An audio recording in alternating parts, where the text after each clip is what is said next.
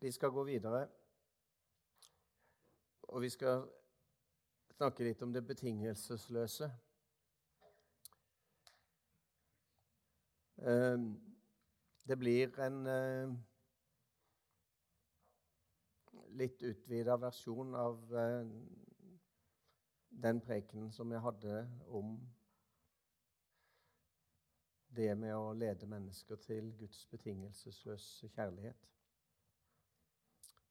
skal eh, etter hvert se litt om, eh, om begrepet av kjærlighet og nåde, for jeg opplever at det er to ord som eh, henger sammen inn i dette med det betingelsesløse.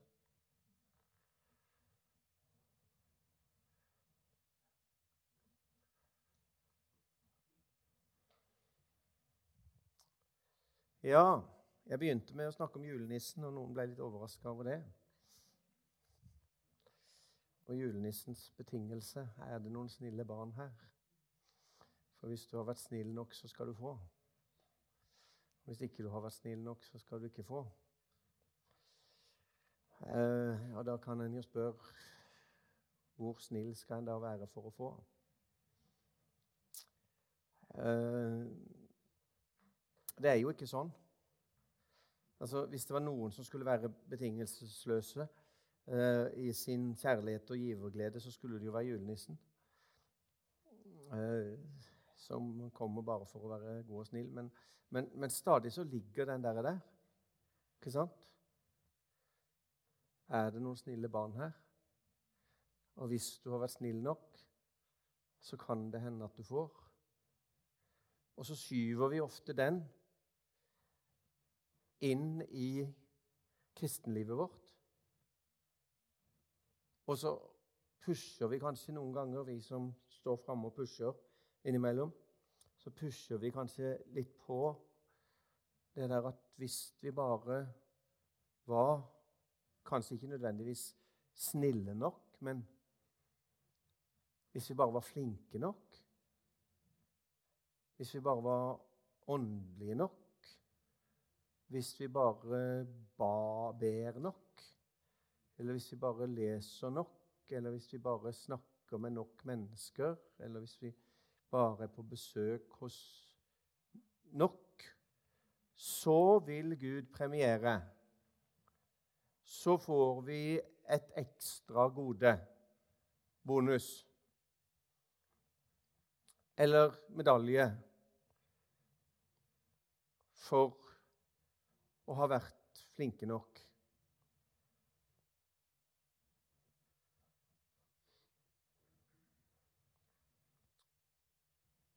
Og så tror jeg at det blir litt sånn fordi at det, eh,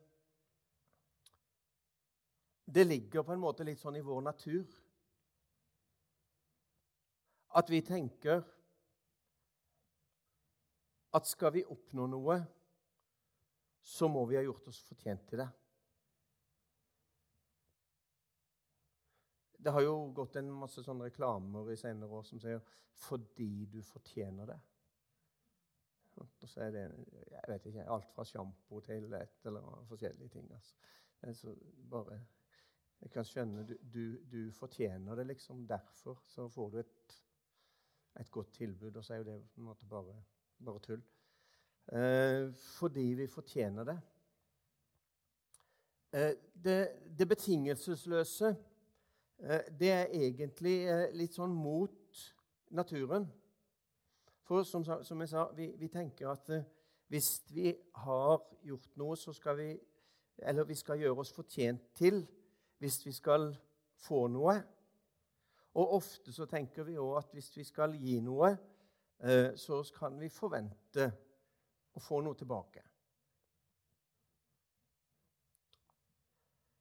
Det hender vi hører om um, betingelsesløs overgivelse i dag er det 8. mai. Det var en dag med frihet, fest og glede. Endelig var fem års okkupasjon slutt. Og så ble på en måte okkupasjonsmakten tvunget til betingelsesløs overgivelse. Det var på en måte ikke noe mer å, å hente.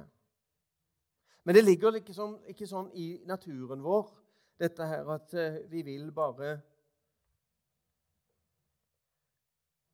overgi 100% til Gud. Betingelsesløs overgivelse til Gud.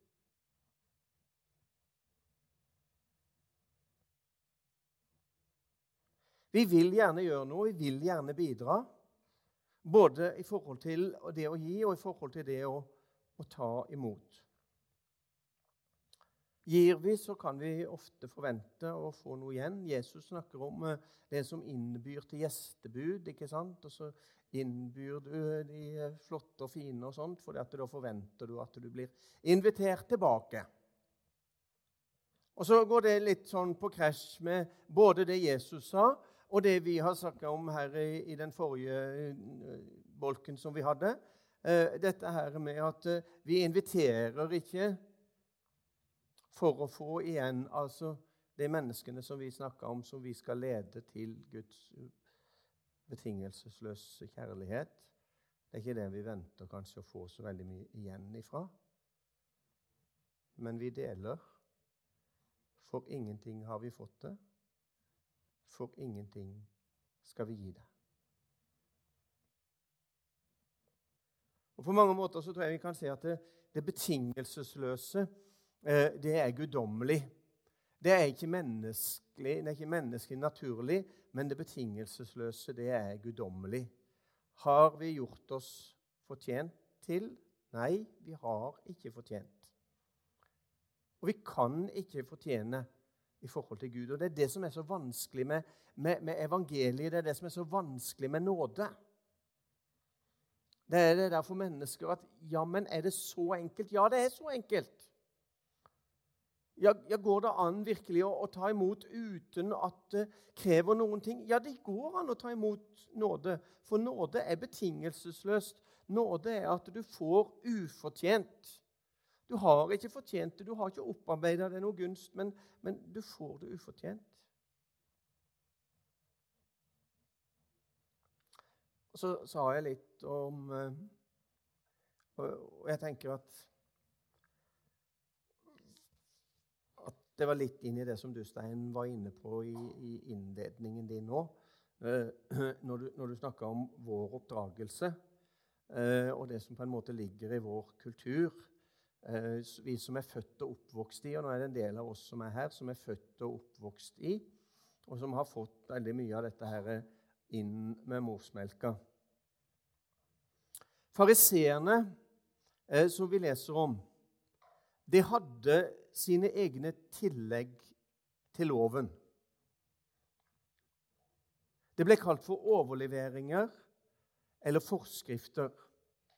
I den eh, oversettelsen, eh, den nyeste fra Bibelselskapet, som jeg har lest, og som leser stort sett ifra, så kalles det for 'overleveringene ifra de gamle'.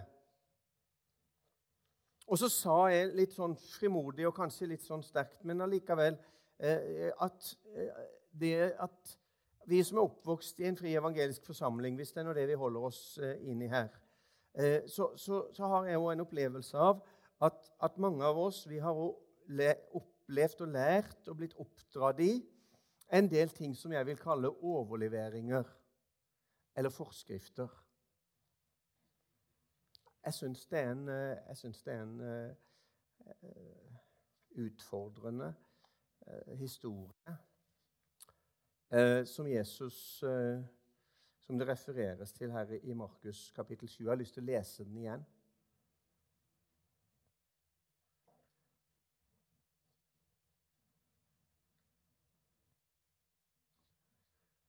Markus evangelium kapittel 7 fra det første verset.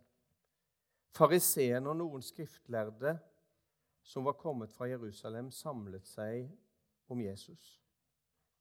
De la merke til at noen av disiplene hans spiste med urene hender, dvs. Si uten å skylle dem. For fariseerne og jødene i det hele tatt spiste ikke før de hadde helt en håndfull vann over hendene, i lydighet mot overleveringen fra de gamle. Og når de kommer fra torget, spiser de ikke noe uten å ha et renselsesbad. De har også mange andre skikker som de har overtatt og overholder, som å dyppe krus og kar og kopperkjeler i vann. Derfor spurte fariseerne og de skriftlærde ham, hvorfor følger ikke disiplene dine overleveringene fra de gamle, men spiser med urene hender? Da sa Jesus, Jesaja profeterte rett om dere hyklere, slik det står skrevet. Dette folket ærer meg med leppene, men hjertet er langt borte fra meg. Forgjeves styrker de meg, for det de lærer, er menneskebud. Dere har forlatt Guds bud, men holder fast ved menneskers overleveringer. Og han sa til dem, ja, dere får det fint til. Dere avskaffer Guds bud for å innføre deres egen overlevering.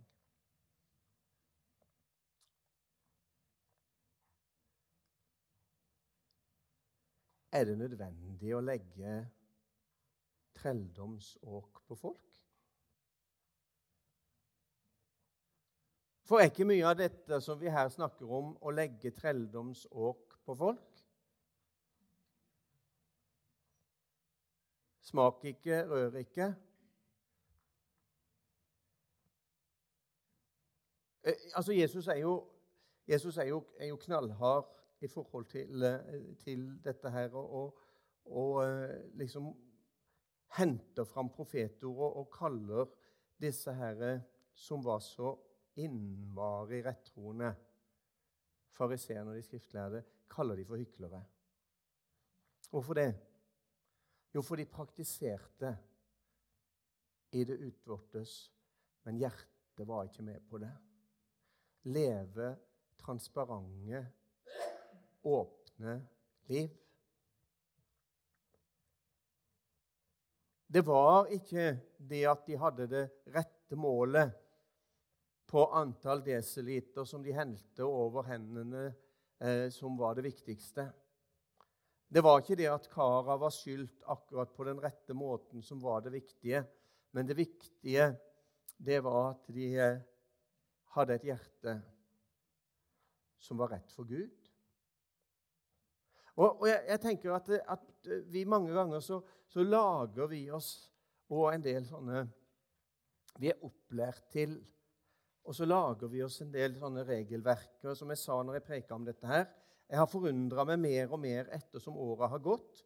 Og som vi som frie evangeliske forsamlinger, og som, for, som veldig gjerne vil, vil, være det å ta vare på arven vår, eh, vi har fokusert utrolig sterkt på en frigjørende Kristusforkynnelse. Det er ingen fordømmelse for den som er i Kristus Jesus. Det finnes en betingelsesløs kjærlighet. Det finnes en mulighet til å komme til Han uten at det kreves noe som helst.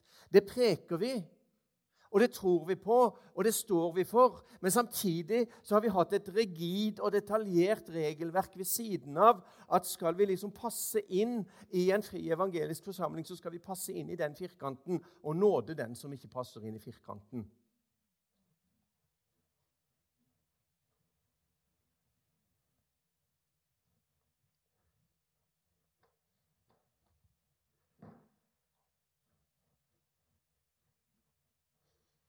Og da tenker jeg at uh, dette må vi frigjøres ifra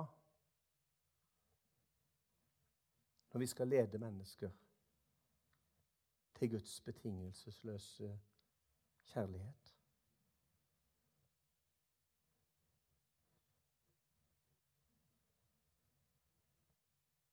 For skal vi lede mennesker til Guds betingelsesløse kjærlighet, så kan vi ikke sette rammer som er strammere enn det Bibelen gir. for å akseptere mennesker innafor.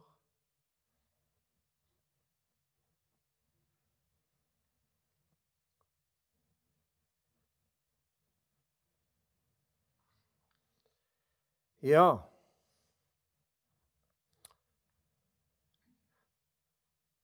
Det blir litt predikant innimellom, men det får dere tåle.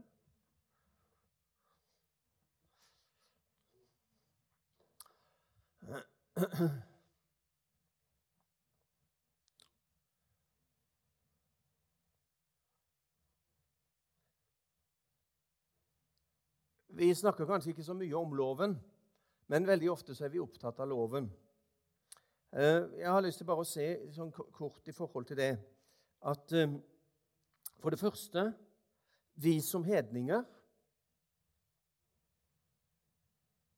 har aldri vært under loven. Loven ble gitt som en pakt mellom Gud og sitt folk.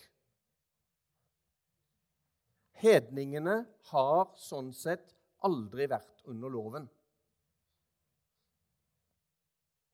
Så kan du være uenig med meg om det, men eh, min overbevisning på det er egentlig veldig tydelig. Og Da leser jeg bl.a. Galaterbrevet, eh, som er veldig tydelig på det. Eh, og i det hele tatt Eh, I Efeserne 2,15 så står det bare om Jesus at han, han, kom, og så oppfylte han Skal vi se Jeg kan lese det for å ikke sitere meg sjøl feil.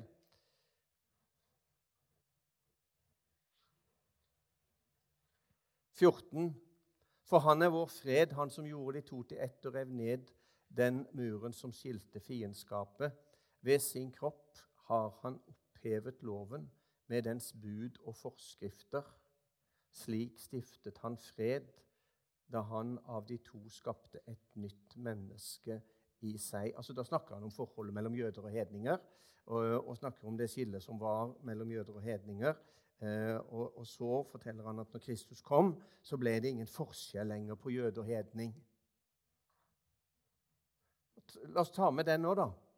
I dag er det ingen forskjell på jøde og hedning, trell eller fri, mann eller kvinne. De er alle ett i Kristus Jesus.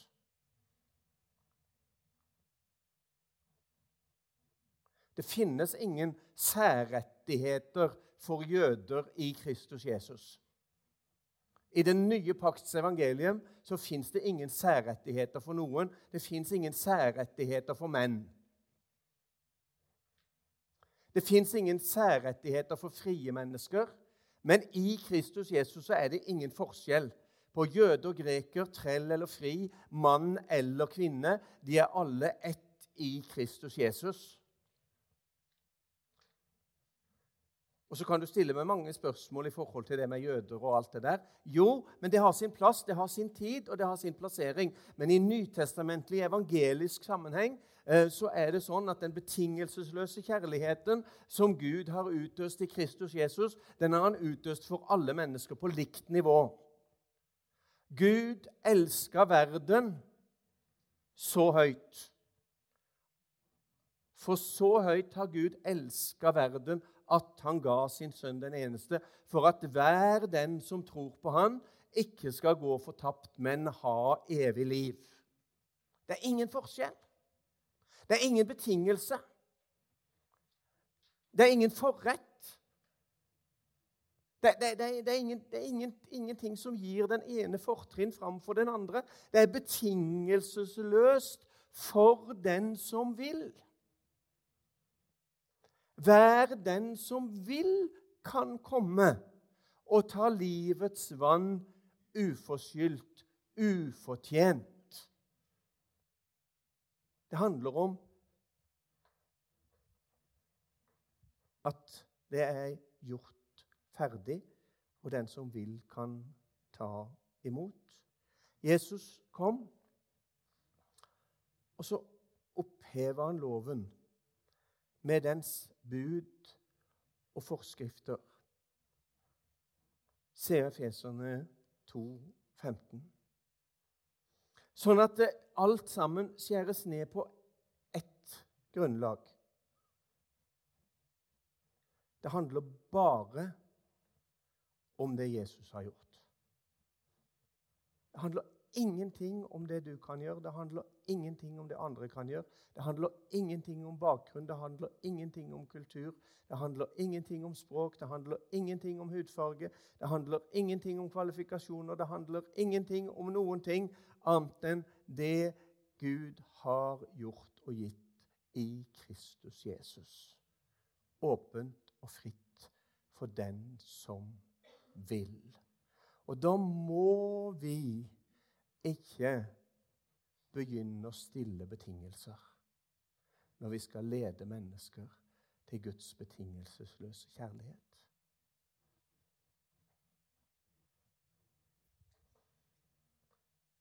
Du syns kanskje at det er vel radikalt, men jeg tror det, jeg tror det er så radikalt. Bibelen bruker jo mange flere ord for kjærlighet. Men i, den, i denne sammenhengen her så brukes dette agape-begrepet, eh, som handler om den, den, eh, betingelsesløse kjærligheten. Den som elsker på tross av og ikke på grunn av. Den som elsker oss, som elsker deg og meg for den vi er, og ikke for det vi gjør eller har gjort eller ikke har gjort eller burde ha gjort. Men vi er elska for den vi er.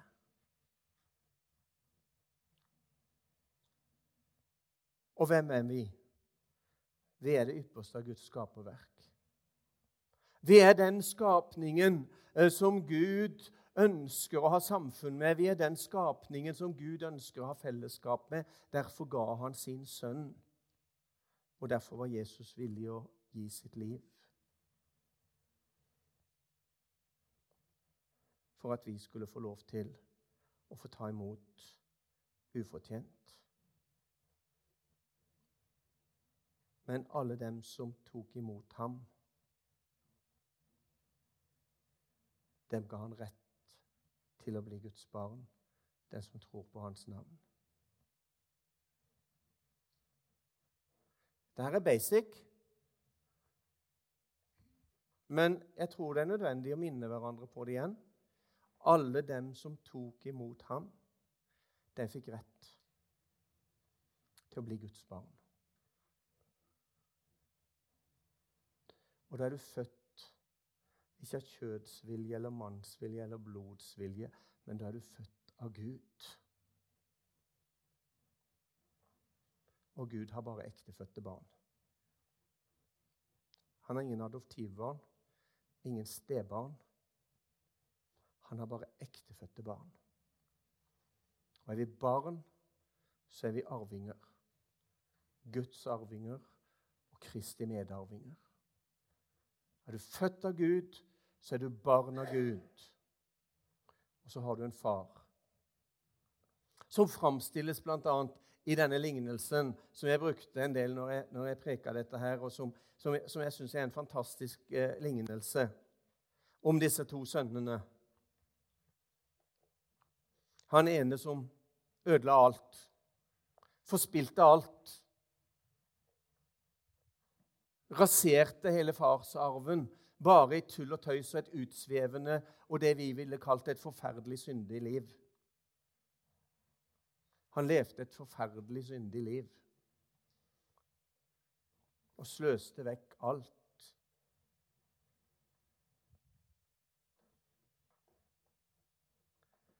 Men hele veien så var det en far som sto hjemme og venta. Ikke med pekefingeren, men som sto hjemme og venta med en åpen favn. Hele veien. Når han var ute på galeien, så var det et farshjerte som sto der hjemme og banka og venta og som ikke hadde lista opp alle betingelsene for at skal du komme tilbake, så skal du, så skal du inn i ramma, så skal du bli sånn som han der prektige som sitter der. Ingen betingelser for det. Hvorfor det?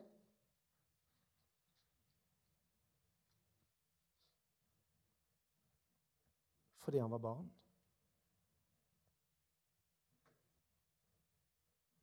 Så var han elska.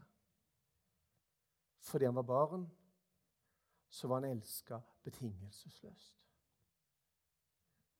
Fordi han var barn, så fikk han lov til å komme hjem på ruinene. På alt som hadde gått i stykker. På alt som var mislykka. På alt som var sløst vekk. På alt som var borte. Fordi han var barn, så fikk han lov til å komme tilbake og møte en far som sto med åpne armer. Det er betingelsesløs kjærlighet.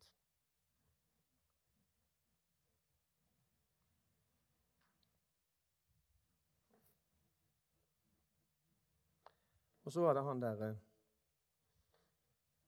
fromme, flinke, snille, prektige som hadde vært hjemme og gjort akkurat alt rett, sånn som faren ville. ikke sant? Jeg føler at jeg kjenner han bedre enn jeg kjenner han andre. Men akkurat han føler jeg at jeg kjenner veldig godt. Han som har prøvd etter beste evne å gjøre akkurat sånn som far vil gjennom alle år, og har vært livredd for å gjøre noe feil, for at noen skulle ha noe å sette fingeren på som handla om noe som var utenfor rammen og utenfor regelverket. Han som har gått hjemme og vært litt sur, egentlig? Har du gått hjemme og vært sur noen gang? Jeg har gått hjemme og vært sur. For jeg syns at min far har vært urettferdig. Jeg syns ikke det var greit. Disse gutta som hadde vært ute og prøvd livet.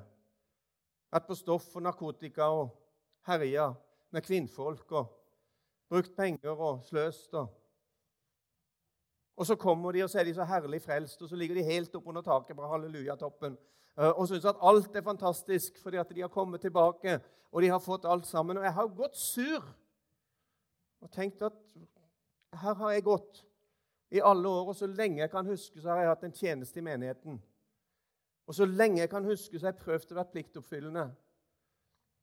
Og Så lenge jeg kan huske, så har jeg prøvd å gjøre alt rett for å tilfredsstille alle de gamle tantene og alle de andre som hadde meninger om åssen vi skulle være, og langt håret skulle være, og kort håret skulle være, og mye sleng det skulle være i buksene, og mye ditten og datten. Her har jeg prøvd å tilfredsstille alle hele veien.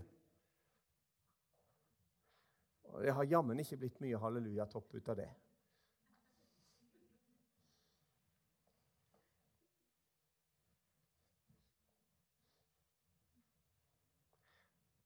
Og jeg gikk så sur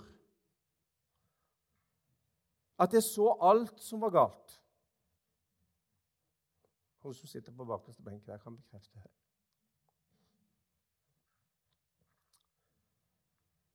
Jeg var bare opptatt av alt som var galt.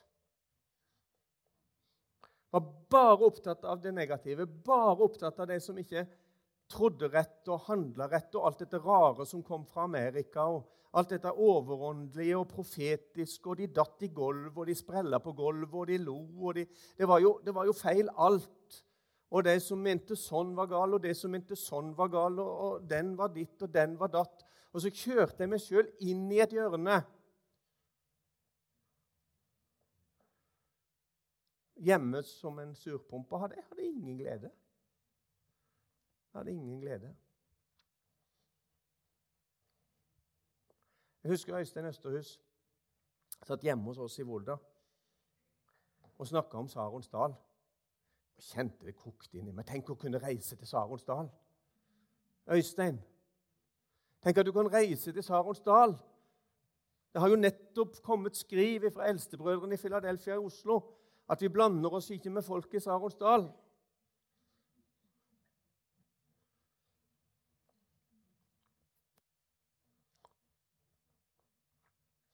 Da tok Øystein tak i meg og sa Kjell, du må bli fri. Du må bli fri.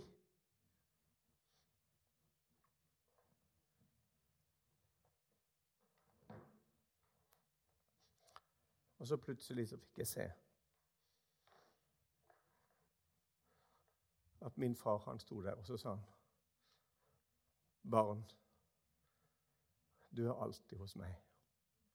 Og alt mitt er ditt. Du kan bare holde fest. Du kan bare holde fest. Du kan bare holde glede. Bare kom og vær med i festen. Bare kom og vær med i gleden. Bare bli ferdig med alt det der tullet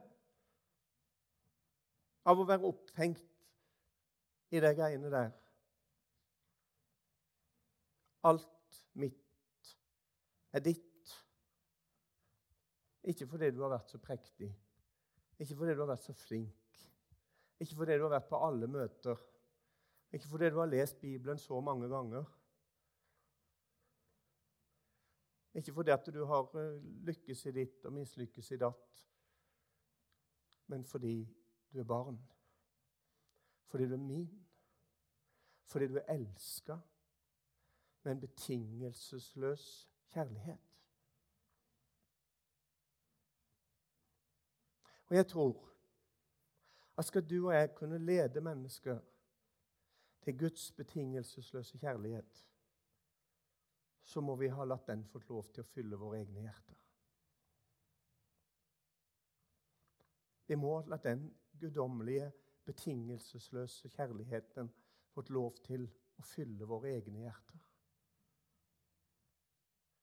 Vi må legge fra oss fariseeren, forskriftene, prektigheten, alt dette her, og så bare la oss overskylle av Guds kjærlighet til Kristus Jesus.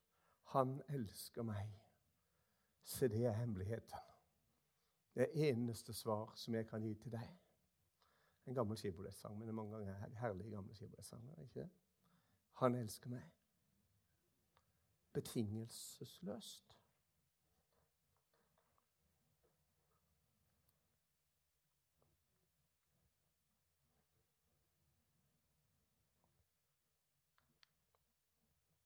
Og så er det dette her med å da nyttiggjøre seg av det som fins i huset. Og Jeg syns Birger Wroldsen sa det fint, og jeg nevnte det eh, sist òg. Dette her med ungene hans. Han har jo en hel flokk. Som plyndra huset når han hadde vært ute og handla. Plyndra kjøleskapet når han hadde vært ute og handla. Han har fire gutter, er det ikke det han har da? Sånn i tenåringsalder og sånn. Og De som har hatt noen sånne i hus, vet jo hva det kan innebære. De kan plyndre huset. Hvorfor kunne de det? Fordi de visste de var barn. Så kunne de nyttiggjøre seg av alt det som kjøleskapet inneholdt.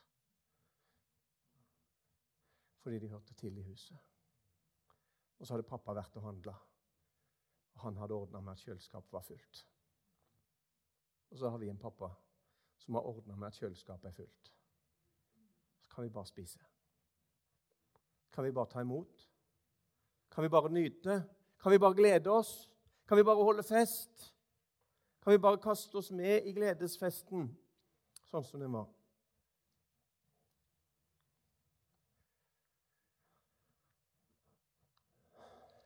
Ja Nåde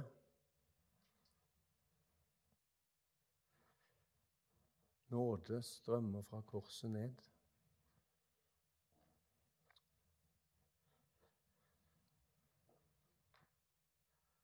Det verset som står i 2. Korinterbrev 8,9, et fantastisk flott vers. Er det noen som kan det? Jeg skal ikke teste deg på sånt. Det er ikke så fint. For dere kjenner vår Herre Jesu Kristi nåde. Gjør dere det? Gjør vi det? Paulus sier det. For dere kjenner vår Herre Jesu Kristi nåde. At han som var rik, han ble fattig, for at dere ved hans fattigdom skulle bli rike. Det er Guds nåde. Det er Guds nåde åpenbart at han som var rik, han ga avkall. Han steg ned, han var lydig, han ble fattig. For at dere ved hans fattigdom skulle bli rike. det er nåde. Nåden åpenbart. Nåden synlig.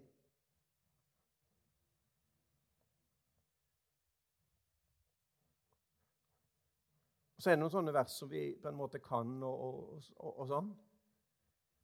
For av nåde er dere frelst ved tro. Det er ikke av dere selv. Det er Guds gave. Hør på dette her. Ikke av gjerninger, for at ikke noen skal rose seg.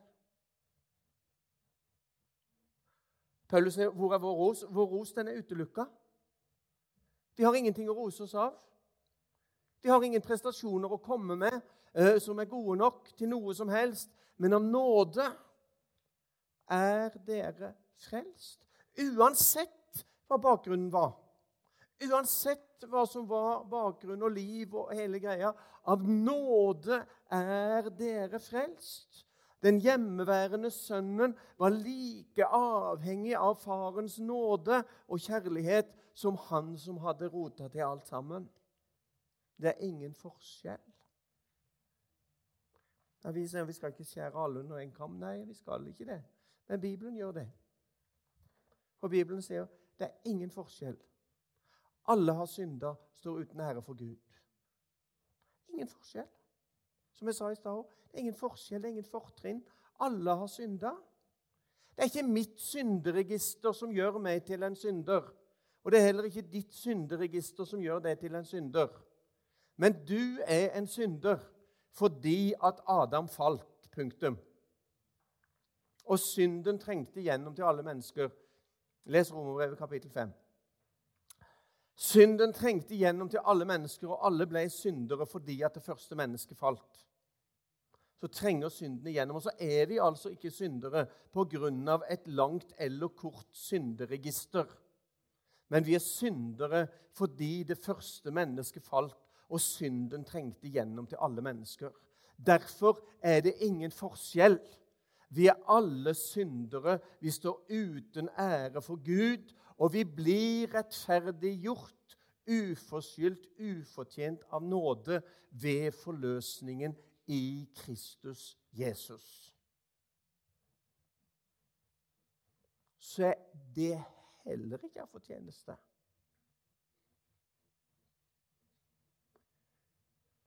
Men det er fordi den siste Adam han gjenoppretta alt det som taptes.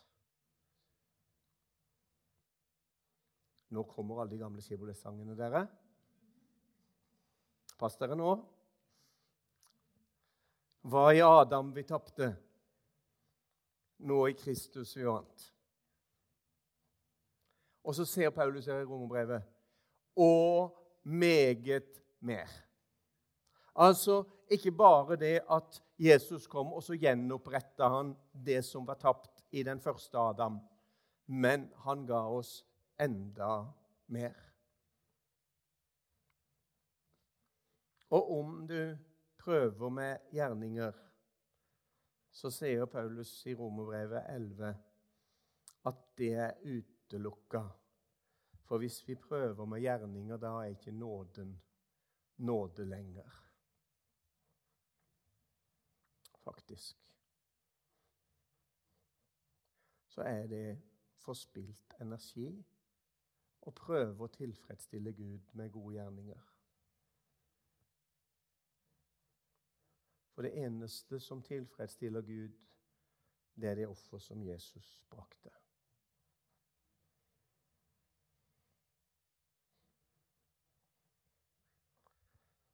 Men så er det jo noe forunderlig med nåden. Og det er kanskje en side ved nåden som vi som uh, forkynner mye nåde, ikke alltid fremhever så veldig mye, så veldig ofte. Og det er dette her med, med nådens oppdragende side. Og da, da, leser jeg bare for å ikke sitere feil. Synligheten for det kan være der. Eh, de fleste av oss kjenner dette her, men i Titus brev, kapittel 2, vers 11, så sier Paulus For Guds nåde er blitt åpenbart til frelse for alle mennesker. Guds nåde åpenbart til frelse for alle mennesker.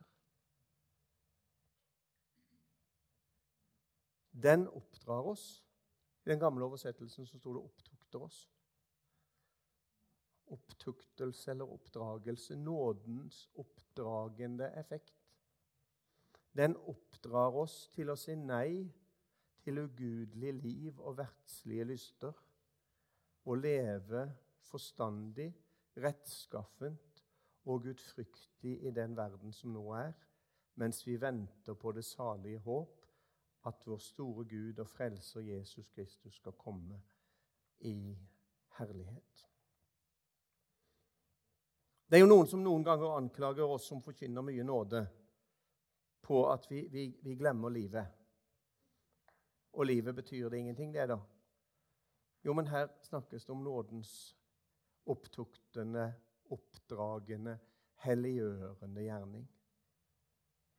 Det er klart at skal vi leve gjennomlyste liv så, så kan ikke innsida være full av hykleri.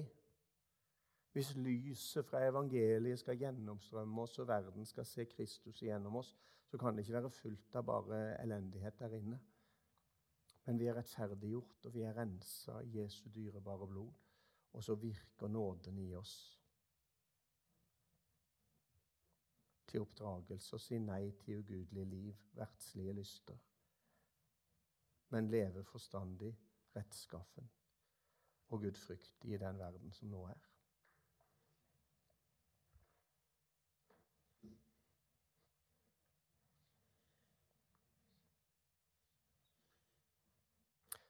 Som jeg sa, skal vi lede noen til noe, som tror jeg vi må ha opplevd det sjøl. Du, du, kan ikke lede mennesker lenger enn du er kommet sjøl. Og du kan ikke lede mennesker inn i noe som du sjøl ikke har opplevd.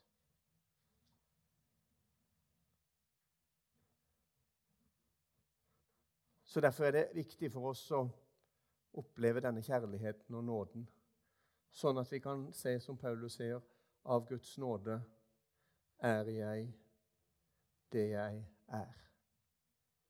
Og hva er jeg? Et Guds barn, fri fra fordømmelse, så er det ingen fordømmelse for den som er i Kristus Jesus. Et Guds barn som har opplevd betingelsesløs kjærlighet. Og derfor så er vi fri fra fordømmelse. Og Derfor kan vi forkynne et evangelium om betingelsesløs kjærlighet. Herre, vi takker deg for dette nådens evangelium. Vi ber om Den hellige ånds åpenbaring og lys, så vi kan få se, og så vi kan få lov til å glede oss over det du har gjort. Og at det du har gjort, det er vårt. Ufortjent, uforskyldt, av bare nåde. Gå med oss med din fred og med din velsignelse. Vi ber i Jesu navn. Amen.